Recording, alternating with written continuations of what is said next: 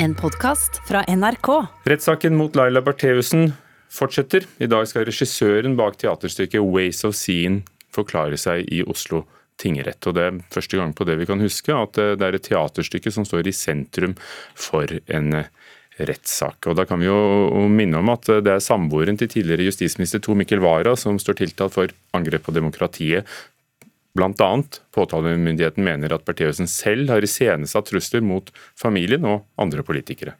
Man må i hvert fall fryktelig langt tilbake i historien, kanskje til liksom den store helvetesdebatten, for å, å, finne lignende. Det sier Martine Aurdal, kommentator i Dagbladet om teaterstykket 'Ways of Seeing', som har blitt sentralt i rettssaka mot Laila Bertheussen. For kunstnerne bak teaterstykket ønska å sette søkelyset på mennesker med makt. Det de gjorde, var å filme huset til der maktpersonene bodde, annet huset til Bertheussen og samboer Tor Mikkel Wara og brukte disse opptakene i teaterstykket. Det var noe Bertheussen reagerte på. Å få eh, sitt eget hus eh, presentert på en scene, det var for dem eh, en voldsom overtreden av deres eh, private eller personlige grenser. Det var etter dette at hærverk, brannpåsetting av bilen til Vara og trusselbrev til ulike aktører skjedde. Laila Bertheussen anmeldte derfor Ways of Seeing da hun mente at det var deg eller andre personer knytta til teatergruppa som sto bak. Nå er det hun som er tiltalt for disse hendelsene, og hun har hele tida nekta straffskyld. Selv om politiet skulle ha rett i at Laila Bertheussen står bak alle disse truslene og angrepene, er Ways of Seeing utgangspunktet for denne saken, også i politiets historie, fordi dette er selve motivasjonen bak alt det som har skjedd. Når regissøren bak stykket, Pia Marie Roll, nå skal vitne, er det knytta stor spenning. Kan jo bidra med en forklaring om hva, hva de har som sagt opplevd av, eh, av treff eller hendelser med, med Bertheussen. Det sier advokat Jon Wessel Aas. Han var forsvarer for Ways of Seeing da de ble anklaga av Bertheussen den gangen.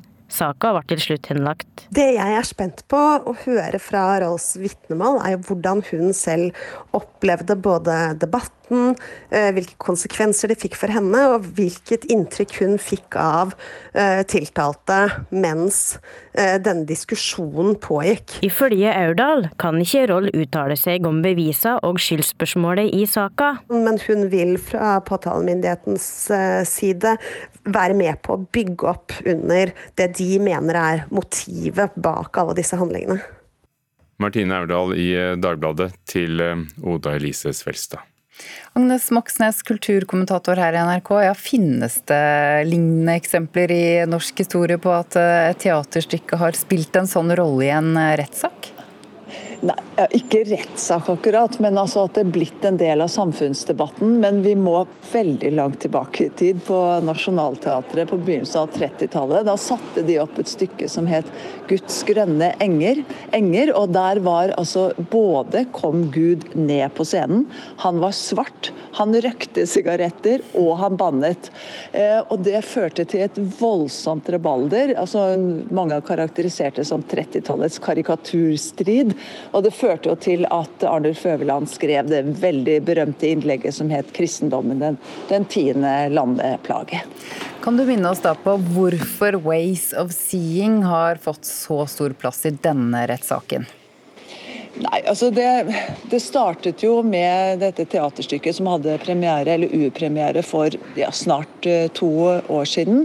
I dette stykket så vises det bilder av hjemmet til flere norske politikere, bl.a. Uh, Tor Mikkel Wara og Laila Bertheussens hjem. Eh, og så knyttes det opp eller disse bildene som ble vist på teatret, ble knyttet opp mot det de kalte et rasistisk nettverk. Eh, så gikk eh, Bertheussen og så denne forestillingen. Eh, hun filmet den, som jo man ikke skal gjøre, for man skal jo ikke kopiere kunstverk. Og så skrev hun en, en illsint og lang artikkel i, i VG og etter hvert så, så, anmeldte hun dette stykket til politiet. Og samtidig så raste det en debatt både på sosiale medier og andre steder om det var riktig å gjøre, altså om dette teaterstykket og de virkemidlene de tok i bruk. da. Akkurat hva er det som skal skje i rettssalen i dag, Agnes? Ja, I dag kommer Pia Maria Roll eh, til Oslo tingrett. Eh, saken begynner nå kvart på ni. Eh, det er jo hun som både er medforfatter til stykket, hadde, hadde, regien for det, og er jo også den som har uttalt seg om dette stykket i ettertid. Så, så det er eh, og, og, det blir jo liksom, Dette stykket blir jo sett på som liksom Hvis det ikke hadde vært for Ways of Seeing, Eh, så hadde jo ikke jeg stått her i Oslo tingrett og snakket med deg nå. Men ellers, eh, Pia Maria Roll, eh, regissøren, hvilke andre forestillinger er hun kjent for? Nei, hun er jo ikke, altså I teatermiljøet i, i, Oslo, eller teatermiljøet i Norge, så er hun en veldig kjent skikkelse. Hun startet som skuespiller, ble etter hvert dramatiker og instruktør. Men hun jobber jo på en måte med det det politiske teatret. Eh, ikke liksom det store henvender seg ikke bredt i det hele tatt. Har fått flere priser for oppsetningene gjort eh, tidligere. Og så vet vi jo det at hvis ikke Altså dette her er Det er et stykke som har sett av eh, ja, oppunder kanskje 1000 mennesker, som er egentlig er ganske mye for en sånn type forestilling som det Pia Maria Roll pleier å, å, å sette opp. Så kan denne saken få noen prinsipiell betydning? Ja, altså Det er jo en helt spesiell uh, sak, dette her. Det er liksom så langt unna norsk uh, liksom, hverdagsrealisme som man kan komme. Så, så jeg er, er, usikker på om det, altså det vil få noen prinsipielle følger. Men jeg tror at kanskje det kan friske opp hukommelsen til mange om at samtlige norske partier har programfestet at uh, kunsten i Norge den skal være fri. Politikerne skal holde labbene sine unna. Både når, og særlig da når det gjelder hvem som skal få økonomisk støtte, og hvem som ikke skal få økonomisk støtte. Takk kulturkommentator Agnes Moxnes, som altså følger eh, Bertheussen-rettssaken eh, i dag. Det skal fortsatt handle om teater, et helt nytt stykke. Rapperen Don Martin bl.a. kjent for Gatas Parlament tidligere, og forfatter Seshan Shakar, som skrev 'Tante Ulrikkes vei', har begge vokst opp i Groruddalen i Oslo. Og så har de skrevet teaterstykke sammen om dalen de vokste opp i, nærmere bestemt om T-banelinje nummer fem, Grorudbanen. Se for deg det her, da. Linje fem, femmeren, Grorudbanen. Samme hva du kaller den. Hovedåra i hovedstaden vår det knytter sammen øst og vest, men er mest kjent som den største linja i Groruddalen, den største delen av vår lille by. Fram og tilbake som en pendel. Vår, vinter, regn, sol. Vår metroversjon er en metronom i det nærmeste vi har en metropol. Tusenvis går av, tusenvis går på. Don Martin i forestillingen Linje 5. Den spilles på Rommen scene i Oslo. Det Norske teater, Teatret har laget forestillingen, og Karin Frøsland Nystøl, vår teaterkritiker. Don Martin står ikke alene på scenen. Fortell om inntrykket fra premieren.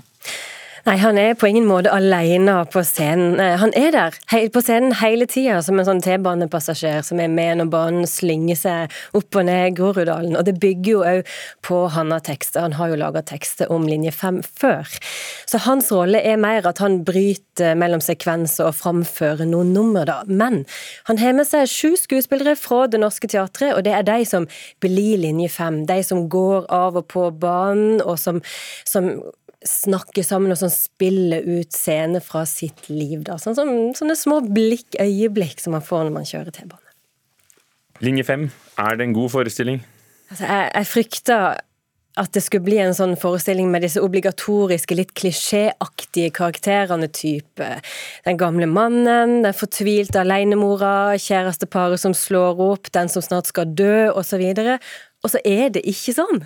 Eh, dette her, jeg vil gå så langt som å si at det er høstens vitaminbombe. Altså Denne forestillinga gjør mye ut av karakterene den presenterer på denne korte T-baneturen. De rekker å gi de dybde og meninger og mange sider. Det er veldig få dødpunkter i forestillinga. Den er energisk, den er morsom, den er fandenivoldsk, og kanskje viktigst, den melder seg på i samfunnsdebatten. Jeg tenker at er det ett stykke som som kan si noe om Black Lives Matter og sånne ting, så er det et stykke som Linje 5. Og hvordan bruker den da nyhetene? Eh, den, jeg kan gi deg et eksempel. da. Eh, på banen så sitter godfylliken, som jeg da liker å kalle han. Altså, han sitter der liksom fram og tilbake nesten hele turen. Og to andre gjennomgangsfigurer er et venninnepar som er på vei ut. De skal på byen eller på fest. Så kommer han der i godfylliken bort til deg. da. Han tenker han skal sitte litt og snakke med disse fine jentene, og han sier at de ligner Diana Ross, og han kommer i prat med dem. Og så sier han, for å forklare hvor vakre de er, så, sier han at, eh, så bruker han ordet negresse, og da eksploderer det på linje fem.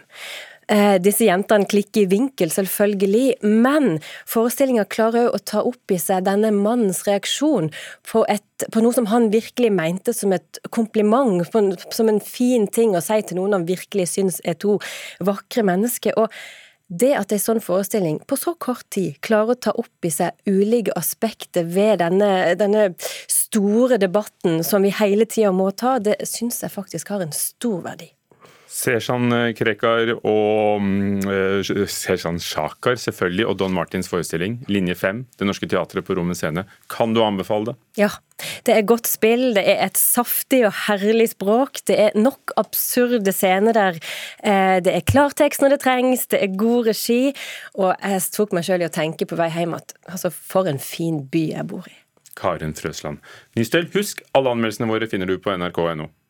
Det er vanskelige tider for kulturlivet, men for å bedre noe på situasjonen deler Kulturrådet i dag ut ekstraordinære koronastipender for til sammen 70 millioner kroner. Og reporter eh, Thomas Olversen Ove, det er mange kjente, eller flere i hvert fall, kjente navn blant dem som får penger i dag. Hvem er det?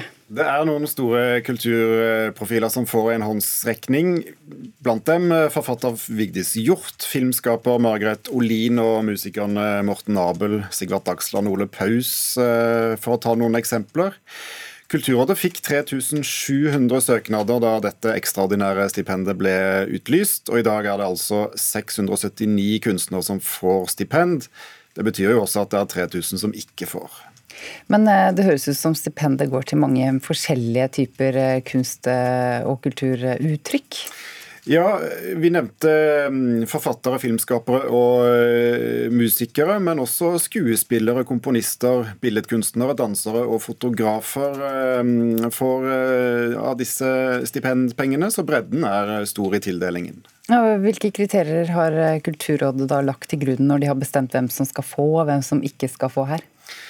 Juryen har lagt vekt på um, kunstnerisk kvalitet og hva slags aktivitet den enkelte kunstneren som da har søkt, ønsker seg i tiden uh, fremover. Poenget er å bidra til at kunstnerne kan bruke tiden sin på å være kunstnere, um, og at publikum skal få et bedre kulturtilbud i, uh, i den krisen vi nå står i. Så var vi inne på at uh, det er mange kjente navn på listen. Noen av dem har jo til salt i grøten, kanskje, men også de som som har hatt god inntekt tidligere, kan ha problemer nå i, eh, under pandemien. Så lønnsgrunnlaget har ikke blitt lagt vekt på i prosessen, opplyser Kulturrådet. Så går det an å si hvor mye hver og en av disse kunstnerne har fått? Ja, stipendene er på 100 000 kroner hver. Det er jo penger, om enn ikke veldig mye. Trude Gomnes Ugelstad i Kulturrådet sier til NRK at hun innser at dette er langt fra nok til å møte, bøte på den vanskelige situasjonen som mange utøvende kunstnere står i, men det er likevel en hjelp og et lyspunkt for mange midt i koronakrisen. Og så viser hun til at bevilgningen til alle de ordinære stipendene som eh, skal deles ut neste år, vil være rekordstore. Og hele denne oversikten kan du lese på nrk.no. Takk, Thomas og Skjenoe.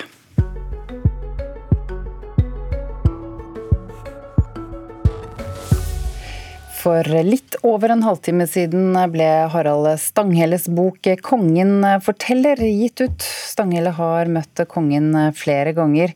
I boken forteller kongen både om Ari Behns død 22.07. og om kongegjerningen og kronprisen som skal overta. Kommentator og forfatter Harald Stanghelle, er du med oss? Jeg er med. Hva har gjort størst inntrykk på deg av det kongen forteller? Ja, kanskje det å høre fortellinga hans om 22.07. Eh, eh, usikkerheten hans, eh, ikke minst om det var rett å dra på Sundvolden, og hvordan han opplevde det som et helt land har spikra på minnet sitt, nemlig eh, at han begynte å gråte under talen i Oslo Spektrum. Eh, han er litt flau over det, sier han. Han ville så gjerne være barsk, men sånn ble det. Det er en veldig medfølende konge, og det er en konge som eh, tør å være åpen også om sin usikkerhet. Han er et av de kanskje det skrå, minst skråsikre maktmennesket noensinne har truffet. Jeg hadde ikke greid å holde den talen, eh, sier eh, kong Harald, eh, og hyller Maud Angelica. Kan du si litt mer om det? Ja, Han sier det, og husk på at han var 17 år da han mista mor si. Han levde i et hus i sorg. Han sier at eh, han er slett ikke sikker på om det ble noe særlig bearbeida, det var ingen å snakke med. Så opplever han at eh, barnebarnet hans eh, på 16 eh, først mista far sin, og så holder denne talen. Og eh, I boka så forteller han at han satt på første benk i Oslo domkirke, og han tenkte den talen kunne jeg aldri holdt, den ville jeg aldri greid å holde. Veldig direkte. Vi skal høre litt på talen. Vi hadde ingen anelse om at du ville gå bort så tidlig i livene våre. Vi trodde at du ville være her for å følge oss ned midtgangen i kirken når vi gifter oss. Se hva vi gjør med livene våre. Se hva slags personer vi blir. Se vår forbedring i kunst, sminke og ridning. Og bli bestefar til våre fremtidige barn. Men nei, det ble ikke sånn. Han, kongen sier altså at han eh, aldri ville klart å holde den talen selv. Ja, Han eh, sier det. og også, også et annet moment i denne talen til mod Maud Angelica Behn, og det er jo den sterke oppfordringa til de som sitter der ute og sliter. Husk at du er verdifull i livet til andre.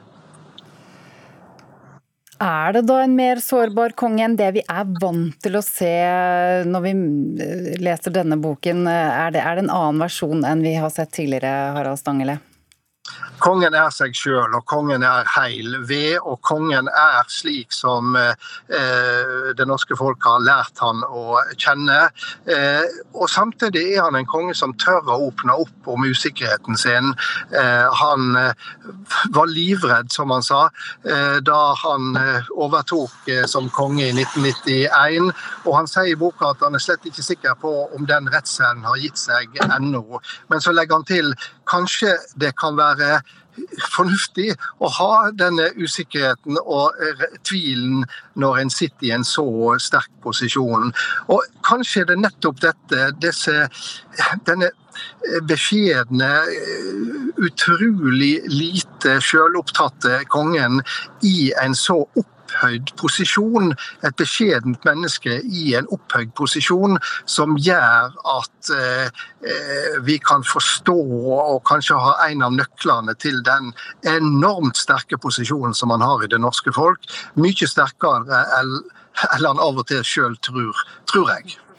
Hvordan er forholdet til kronprins Haakon som skal overta etter ham, hva sier han om det? Ja, Det er veldig eh, nært. Han sier det blir tettere og tettere. Og han omtaler kronprins Haakon som eh, en venn og medarbeider. Det er sterkt å høre på. Og han sier også at, at han ikke har vært bekymra eh, for den som skal etterfølge han. Og han legger til at eh, han har nok vært mye mindre bekymra enn faren, kong Olav, var når det gjaldt eh, eh, han sjøl. Eh, så eh, han ser med stor ro, tror jeg, da, og sånn som han uttrykker seg i boka, på sin etterfølger. Det har vært et spesielt år for kongen med Ari Behns død, koronapandemi og nå i høst denne hjerteoperasjonen. Vi kan jo høre litt på hva kongen sa selv om hjerteoperasjonen. Jeg merket ikke noe særlig til det. Jeg ble litt andpusten. Mer enn vanlig. Eh, og ellers merket jeg ikke noe særlig til det, så det var legene som fant ut det. Ble du bedre etter du hadde operert deg? Ikke med en gang. Men eh, nå er jeg mye bedre enn jeg var den gangen. Men grue seg til å operere? Det gjorde jeg. legene fortalte meg at, eh, at dette var rutine, og det sa jeg det er nok det for dere, men ikke for pasienten. sa Ja, dette sa kongen til eh, NRK Super eh, da han tok den forrige hjerteoperasjonen for 15 år siden. 15 år siden. Men Harald Stanghelle, har 2020 vært et annus horribilis for kongen?